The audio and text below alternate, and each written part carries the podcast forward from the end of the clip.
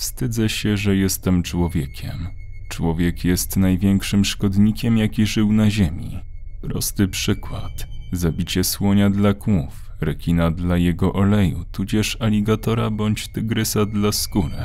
Prowodyrem tego wszystkiego jest narzędzie zniewolenia. Zielony papier z lasu z namalowanymi cyferkami. Pokażcie mi inny gatunek, który zabija dla zysku.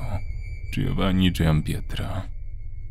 Siedziałem przy stoliku w kuchni wraz z moim synem i żoną, jedząc na obiad jedną z tradycyjnych potraw w Tajlandii bami.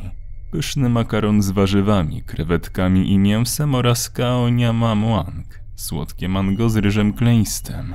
Cała moja rodzina uwielbiała te potrafy, a gdy zrobiła je moja żona, to talerze były zawsze puste. Musiałem się nacieszyć moim ostatnim obiadem z rodziną, ponieważ kolejnego dnia z samego rana wypływałem na pełne morze. Mój dobry znajomy załatwił mi dobrze płatną pracę jako rybak. Wypłynę na trzy miesiące i wrócę z pieniędzmi, które normalnie zarobiłbym w rok, a może nawet i w dwa lata.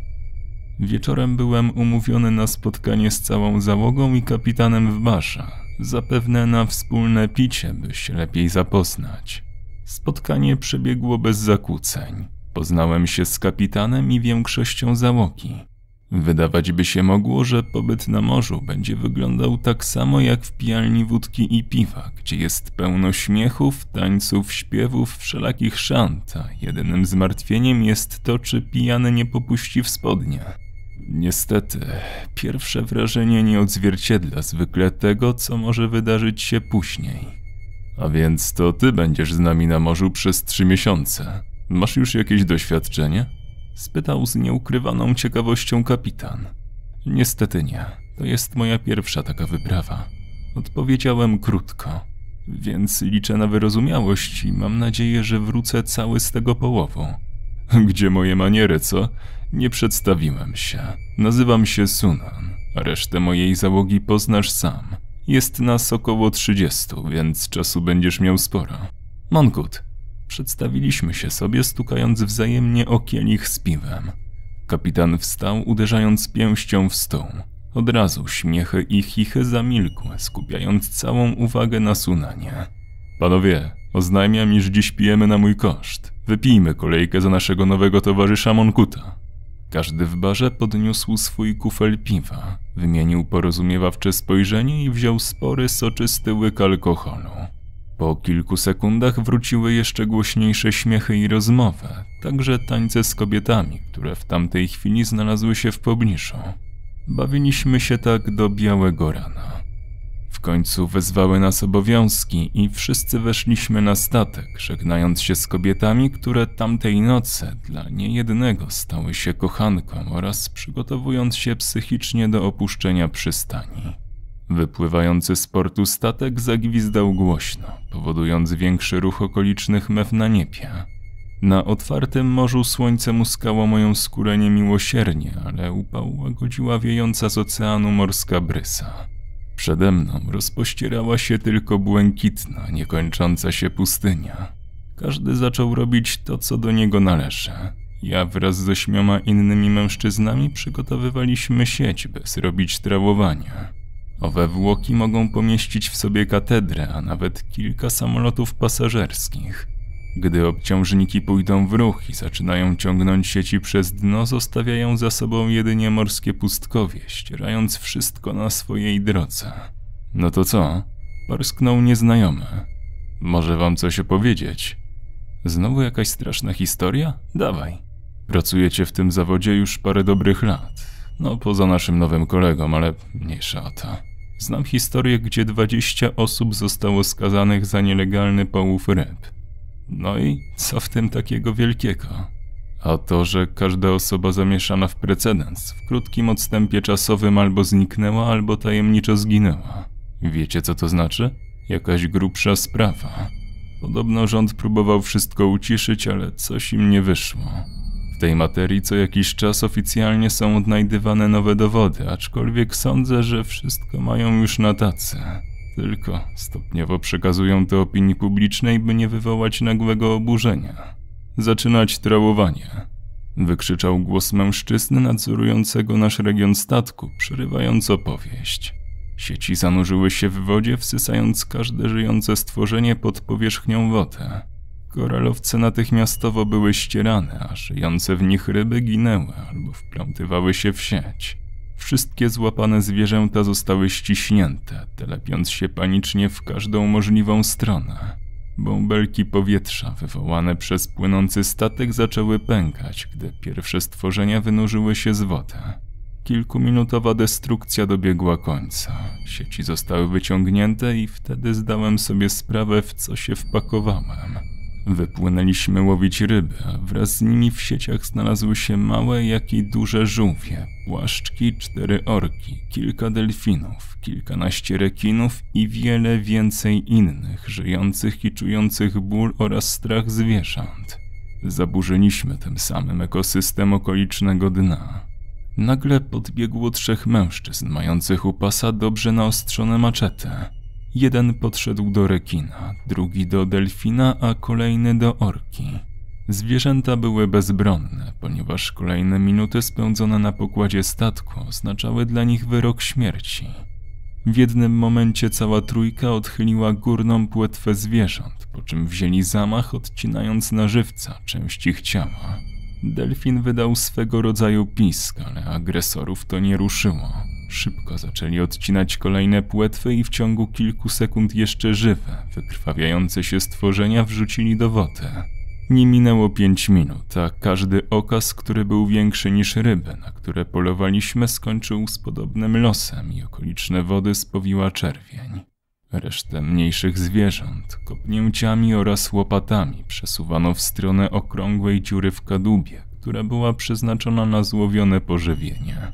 Stamtąd zaś wózkami były wywożone do magazynu. Czemu oni to kurwa zrobili? Nawet żółwiom odcinali ich pieprzone skorupy. Wypowiedziałem przejętym głosem. Część żółwi miała tak zaciśnięte nasze pieprzone rybackie liny wokół skorupy, że były prawie całkowicie zmiażdżone. Co zrobisz? Biznes jest biznes. Za płetwy oraz skorupy stworzeń morskich niektórzy płacą spore sumy. Burknął współpracownik. Nawet nie zauważyłem, kiedy ci bezduszni mordercy, nie wiem czy to będzie dobre określenie, zniknęli. To wszystko działo się tak szybko. Przyszli, zrobili swoje i poszli. Rozmowę przerwał im wykrzykujący w niebo głosy obserwator, który sprawdzał, czy połowy odbywają się zgodnie z prawem. Pracownicy odsunęli się na bok, tworząc jedną małą kubkę ludzi, a ja niewiele myśląc robiłem to samo, stając na samym brzegu zbiorowiska. Wtedy ich zobaczyłem. Mężczyźni uzbrojeni w karabiny maszynowe, strzelby oraz pistolety zmierzali w kierunku obserwatora, z dwóch stron blokując mu drogę ucieczki. Cała czwórka przeładowała broń i kazała iść krzykaczowi wraz z nimi. Mężczyzna, nie stawiając dużego oporu, schylił głowę i poszedł poza pole widzenia każdego z nas. Wtem, jakby z ziemi, wyrósł nam przed oczyma kapitan z groźną miną oraz pistoletem w ręku. A wy co tak kurwa sterczycie? Do roboty, bo skończycie jak inni. Zamurowało mnie. Nie mogłem uwierzyć, że człowiek, z którym piłem kilka godzin wcześniej i który wydawał się bardzo miłym, sympatycznym gościem, ma na statku uzbrojonych ludzi, robi brudne interesy handlując organami ryb, a do tego grozi swojej załodze bronią. Bóg wie, jakie jeszcze ciemne strony skrywa ten statek. Każdy bez słowa odwrócił wzrok i powrócił do swoich czynności sprzed incydentu. Bardzo ładnie. Parsknął pod nosem kapitan, uśmiechając się od ucha do ucha.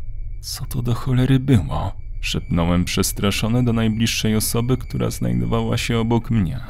To, drogi kolego, twoja codzienność. Jeśli sprzeciwisz się kapitanowi albo zrobisz coś wbrew jego interesom, tajemniczo znikniesz albo po prostu na oczach całej załogi zostaniesz zabity. A co z tym gościem? Pewnie już gnije w wodzie albo wycinają jego organy. Mnie to nie obchodzi. Ważne, że mam gdzie spać i dostaję porządne pieniądze. Inni nie mają tyle szczęścia co ja. Jak to nie mają? No nie mają. Wiesz co? Muszę tam pomóc z sieciami. Później pogadamy. Powiedział lekko drżącym głosem oddalający się mężczyzna. Coś tu nie gra. Jeśli faktycznie z tego gościa właśnie wycinają organy, to jestem w totalnej dupie, pomyślałem. Masakra, co? Wtrącił się nieznajomy mężczyzna azjatyckiego pochodzenia. A słyszałeś kiedyś o Taji? Pracowałem tam i w tamtym miejscu w Japonii są dopiero przekręty na grubą forsę. Gdybyś tylko wiedział, ile tam zostało ubitych zwierząt. A byłbyś w stanie sprecyzować, co to znaczy? Masa rybaków, w tym ja naszymi łodziami i kajakami zaganialiśmy wiele gatunków stworzeń morskich do zatoki w Tachi. Najczęściej robiliśmy to pod osłoną nocy, a tam prawie każde zwierzę było zabijane. Mały procent oczywiście był łapany i sprzedawany choćby do parków wodnych czy prywatnym osobom, ale stety, tudzież niestety, nie wiedzieliśmy, co się dzieje z takimi stworzeniami. W sumie to mnie nawet nie interesowało. Ważne, że pieniądze się zgadzały, a co do tych delfinów, orek i innych morskich gówien. Człowieku, one nawet nie czują, że im coś robimy. Podobny precedens był w Afryce, gdy uczestniczyłem w zabijaniu słoni, hipopotamów, tygrysów, lwów, aligatorów i wielu, wielu innych zwierząt. Byliśmy kłusownikami na lądzie, również przywiało nas na morze. Taka kolej rzeczy, taki łańcuch pokarmowy. Nasz gatunek jest na samym szczycie i robimy co chcemy. Musisz to zaakceptować, stwierdził z kamiennym wyrazem twarzy współpracownik. Milcząc wróciłem do pracy. Zużyte sieci miałem wyrzucić do oceanu. Byłem bez wyjścia. Musiałem robić to, co mi kazali, inaczej by mnie zabili. Zestresowany po skończonej pracy, w końcu się położyłem, przekąsiłem coś i zanurzyłem w objęciach Morfeusza. W nocy wpadliśmy w sam środek sztormu. Statkiem oraz wszystkim, co się na nim znajdowało, bujało na wszystkie strony. Morze było tak wzburzone, że fale sięgały kilkunastu metrów. Trzech mężczyzn z mojej kwatery, która wielkością przypominała typowy salon gościnny w waszych zachodnich mieszkaniach, natychmiastowo się przebudziło i wybiegli na pokład ratując statek. Ja natomiast nie mogłem zmrużyć oczu przez to, czego się dowiedziałem, jaki mord na żywych stworzeniach wcześniej widziałem. A ty co tak siedzisz? Na pokład, ruchy. Z rozmyśleń wyrwał mnie głos kapitana. Co zrobiliście z tym człowiekiem? Spytałem, wypinając klatkę piersiową do przodu. Tym, czyli jakim? Nie rób ze mnie debila. Z obserwatorem. Gdy zaczął was upominać, to te bandziory z bronią gdzieś go zabrały. Gadaj, gdzie jest. Na twarzy kapitana pojawiło się zdziwienie połączone ze złością. Powolnym krokiem ruszył w moją stronę, drodze chwycił za przewrócony dzbanek na kwiaty. Natychmiastowo wstałem, szykując swoje pięści do walki. Jesteś nowy i naprawdę myślałem, że nie będzie z tobą problemów. Powiem ci szczerze, że gdy piliśmy i bawiliśmy się w tym pubie, to nawet cię polubiłem. Niestety, postąpiłeś niewłaściwie. Napastnik natychmiastowo zbił moją lichą gardę, wziął szeroki zamach i stukł dzbanek na mojej głowie. Moje oczy spowiła czerń. Przebudziłem się, zamarzałem. Zauważyłem, że moja skóra zaczyna powoli sinieć. Katary wydobywający się z mojego nosa zeszklił się, a palców u dłoni prawie nie czułem. Od razu zacząłem ocierać dłonie o siebie, ruchami przypominającymi zapalanie ogniska przez starcie patyka o kładkę skory drzewa. Rozejrzałem się po pomieszczeniu. Przestrzeń rozświetlało blado-niebieskie światło wydobywające się z wiszących nade mną lamp. Wokół mnie było kilka szczelnie zamkniętych szafek oraz skrzyń. Na ziemi leżały trzy ciemne worki, które kształtem przypominały człowieka. Jak to mówią, ciekawość jest pierwszym stopniem do piekła.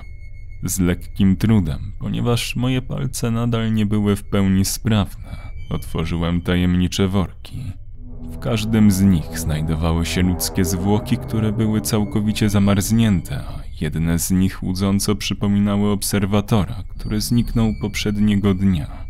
Więc mam odpowiedź na pytanie, co z nim zrobili. Tylko ciekawe, czemu te ciała są zostawione w chłodni, a nie wyrzucane za burtę. Stwierdziłem w myślach.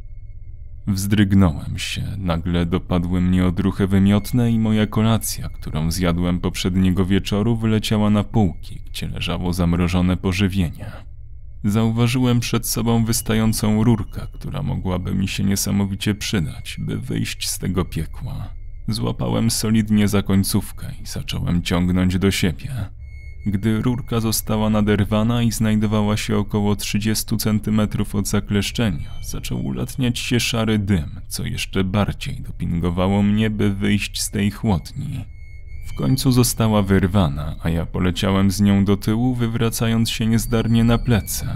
Wstałem, otrzepałem się i zacząłem zbijać zdobytą rurką szybę w drzwiach, aż w końcu udało się ją całą wybić. Szkło rozbiło się na dziesiątki małych kawałków. Sprawnie wyszedłem przez dziurę w drzwiach i ruszyłem przed siebie jasno oświetlonym korytarzem. Nagle z oddali usłyszałem biegnące osoby w moją stronę. Byli to ci sami mężczyźni, którzy zabili niezależnego obserwatora. Wtedy ruszyli też na mnie. Już wiem, jak się czuje ofiara uciekająca przed drapieżnikiem. Obróciłem się na pięcie i zacząłem biec w przeciwnym kierunku. Przestałem odczuwać zamarznięte kończyny poprzez adrenalinę. Z każdym stawianym krokiem nogi bolały coraz bardziej. Odczuwałem prawdopodobnie objawy drugiego stopnia hipotermii. Usłyszałem przekleństwa mężczyzn goniących mnie, gdy odkryli, że uciekłem. Krzyczeli tak głośno, że było ich chyba słychać na całym statku. W tamtym momencie na szczęście schodziłem na niższy poziom, więc znalazłem sobie trochę czasu. Stanąłem w ciemnym rogu przed drzwiami, gdzie jedynym źródłem światła był blask dobiegający z okrągłej szyby za mną. Obróciłem się i zobaczyłem magazyn wielkości pojazdu publicznego w Tokio, Pekinie czy Bangkoku. W owym magazynie znajdowało się składowisko złowionych i martwych ryb. Niektóre jeszcze ruszały swoim otworem gębowym, co oznaczało, że żyją. Bezmyślnie chwyciłem za klamkę. Nagle całe światło na pokładzie statku zgasło i zaczęły migać czerwone światła. Natychmiastowo uderzył moją twarz odór smrodu oraz zgnilizny. Przed sobą widziałem setki, a może i nawet tysiące złowionych w czarnych skrzyniach ryb o wielkości mniej więcej jednego metra, które leżały we własnej krwi oraz kiedyś być może wodzie, ale z przezroczystego koloru. Ta zamieniła się na kolor kremowy.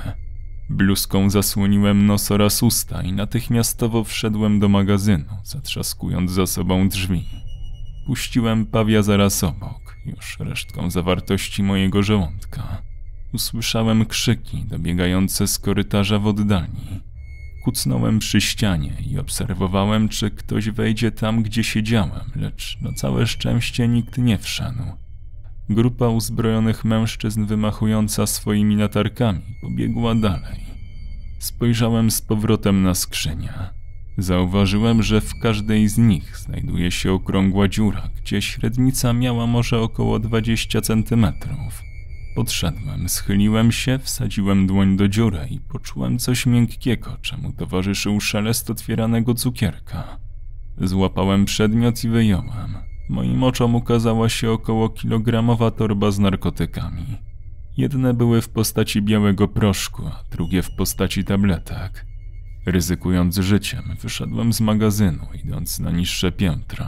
Po drodze minęły mnie dwie osoby z latarkami i maczetami, lecz bardziej byli zajęci rozmową i śmianiem się niż szukaniem mojej osoby. Natrafiłem na kolejne pomieszczenie. To było identyczne jak poprzednie, tylko tym razem zszokowałem się jeszcze bardziej. Na stołach leżały dwa wypatroszone trupy z rozciętymi brzuchami, które były pokryte całe krwią i bladą skórą przezroczystych pojemnikach wielkości przenośnej lodówki leżały wszelakie ludzkie organy, od nerek aż po płuca. Brawo, rozbrzmiał głos za mną. Teraz chodź ze mną grzecznie do kapitana. Wzdrygnąłem się, obróciłem i przed moimi oczyma stanął kolos o wzroście dwóch metrów i barkach szerszych niż szafa. Chwycił mnie za kark i próbował wyprowadzić z rzeźni, gdzie dochodziło do rozcinania ludzi. Czułem, że od tego momentu walczę o życie. Chwyciłem za rurkę i pod wpływem adrenaliny wbiłem kolosowi ostrą końcówkę w oko, powodując niewyobrażalnie głośny krzyk oponenta i niezdarne wywrócenie się go na pojemniki z organami. Wybiegłem z pomieszczeń pełnych cierpienia, łez oraz krwi i co sił w nogach biegłem na górny pokład. Za mną rozległy się huki wystrzałów, przyspieszające puls i jeszcze większy dopływ adrenaliny. Świszcząca kula trafiła mnie w nogę powyżej uda, plamiąc krwią moje ciuchy. Przystanąłem na chwilę jęcząc z bólu. Zerwałem w trymiga część mojej bluzki. Owinąłem kilka centymetrów nad raną i dzięki szczęściu, że tętnica była cała, wbiegłem po schodach kulejąc co stopień coraz bardziej. Znalazłem się na świeżym powietrzu. Byłem coraz bliżej szalup ratunkowych, gdy sześciu współpracowników przybiegło nie wiadomo skąd, nosząc mnie na swoje ręce, biorąc dwie osoby za nogi oraz pachy i zanosząc na szalupę wraz z nimi. Gdy znalazłem się na szalupie ratunkowej, byłem w siódmym niebie. W końcu opadliśmy i znaleźliśmy się na pełnym morzu, dryfując bezwładnie tam, gdzie poniesie nas ocean. Ucieczka z najgorszej decyzji w moim życiu nie była jednak tak piękna, ponieważ po chwili wokół nas zaczęły świszczeć pociski ostrej amunicji. Z siódemki osób masakrę przeżyłem tylko ja oraz jeden z moich towarzyszy. Przedziurawione osoby, które siedziały za mną przez siłę pocisków, zostały zepchnięte na naszą dwójkę, kamuflując nas tym samym przed wzrokiem agresorów. Pomocne również było to, że słońce dopiero wschodziło, widoczność nie była zbyt dobra. Obaj daliśmy sobie sygnał, że mamy być cicho i się nie ruszać. Dopiero po około półtorej, może dwóch godzinach zdecydowaliśmy się podnieść i wyrzucić ciała do morza. Ściągnęliśmy z siebie zakrwawione ubrania, a statek, na którym spędziliśmy najgorsze chwile życia, zniknął z naszego pola widzenia. Pewnie już poławiał i niszczył dno morskie w zupełnie innym regionie oceanu. Dryfując bezradnie i będąc ogrzewanym przez smugi słońca na bezchmurnym niebie, dowiedziałem się paru ciekawych rzeczy na temat tego, co się tam działo. Ciekawych dla was, na pewno nie dla mnie oraz tego mężczyznę. Teraz już mojego najserdeczniejszego przyjaciela, więc pozwólcie, że będę chronił jego anonimowość, nie mówiąc jego imienia.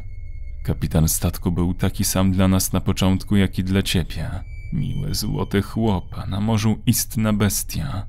Dobrze, że nie byłeś tam dłużej. Doświadczyłbyś tortur za nieposłuszeństwo, choćby takich jak wylanie wrzątku na ciało, wyrywanie paznokci czy wyrywanie włosów na żywca bądź zębów. Było też bicie po nogach i korpusie metalowym prętem. Zdarzały się również odcinanie palców, dłoni, a nawet stawów barkowych czy nóg. Całe szczęście, że to nie były jego ulubione zabawy. Wyobraźnię, jeśli chodzi o tortury, ma naprawdę wielką, stwierdził z pogardą.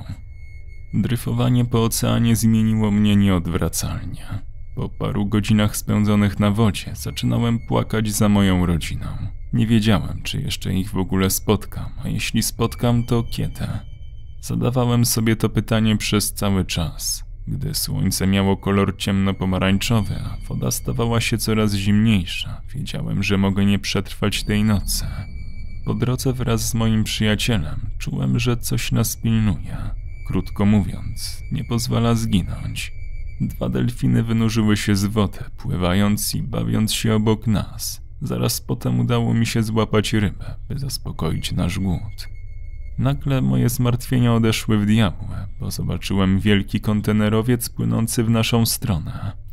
Zerwaliśmy się z miejsc, krzycząc w niebo głosy i wymachując swoimi koszulkami oraz czymkolwiek, co mieliśmy pod ręką. Kontenerowiec trąbnął i zaczął powoli zwalniać. Załoga była niczym anioły, ratujące nas z opresji. Gdy obydwaj z przyjacielem postawiliśmy nogę na pokładzie statku, wiedziałem, że jesteśmy uratowani. Dali nam koce termiczne, herbatę oraz ciepłą zupę, przyjemnie ogrzewającą nasze zmarznięte ciała. Powiedzieliśmy skąd jesteśmy i oczywiście odpowiednie służby zostały powiadomione. Podczas czekania na mundurowych miałem odpowiednio dużo czasu, by się zastanowić, jakim człowiek jest potworem i co jest w stanie zrobić dla zysku. Z dnia na dzień coraz bardziej wstydzę się, że jestem człowiekiem. I oto moja historia. Mężczyznę, który za chęcią godnego życia wplątał się po uszy w wielkie szambo. Takich historii jest o wiele więcej, jednak wielu czeka na zryw, odwagę i pewność, że nic im się nie stanie, by o tym mówić. Ten wywiad niech będzie solidnym pociskiem do opowiedzenia o podobnych sytuacjach społeczeństwu. Apeluję do ludzi, których spotkał taki sam los, by skończyli się bać i zaczęli o tym mówić. Musimy w końcu zapobiec temu precedensowi, bo ludzie oraz stworzenia morskie będą ginąć, póki będą z tego pieniądze. Dla mnie to wszystko. Dziękuję. Człowiek zniszczy wszystko, co piękne. Zniszczy gęste, pełne zwierząt lasy. Zniszczy tętniące życiem dna oceanów. Zniszczy całą planetę. Dla zysku. Zniszczy nawet samego siebie. Autor opowiadania Giovanni Giampietro. Czytam Quadrotes. Osoby wspierające powstawanie nowych treści to Kalusia, Syrenka Ladacznica, Brutal Drop, Sebastian Król, Gregorikos, Lucky Guzi, Mateusz Z, Fra Martin, Wiktor Walczak, Bartosz Chwalisz, Bartek Koziara, Ewa Obersik, Alastor, Wojti 262, Milky Rainbow, Magdalena H, Ai Muffin, Gons, Małgorzata Pac, Near Death, Anna Rachuba, Tomasz Kowalewski oraz Krzysztof Kozak-Ślęzak. Do usłyszenia.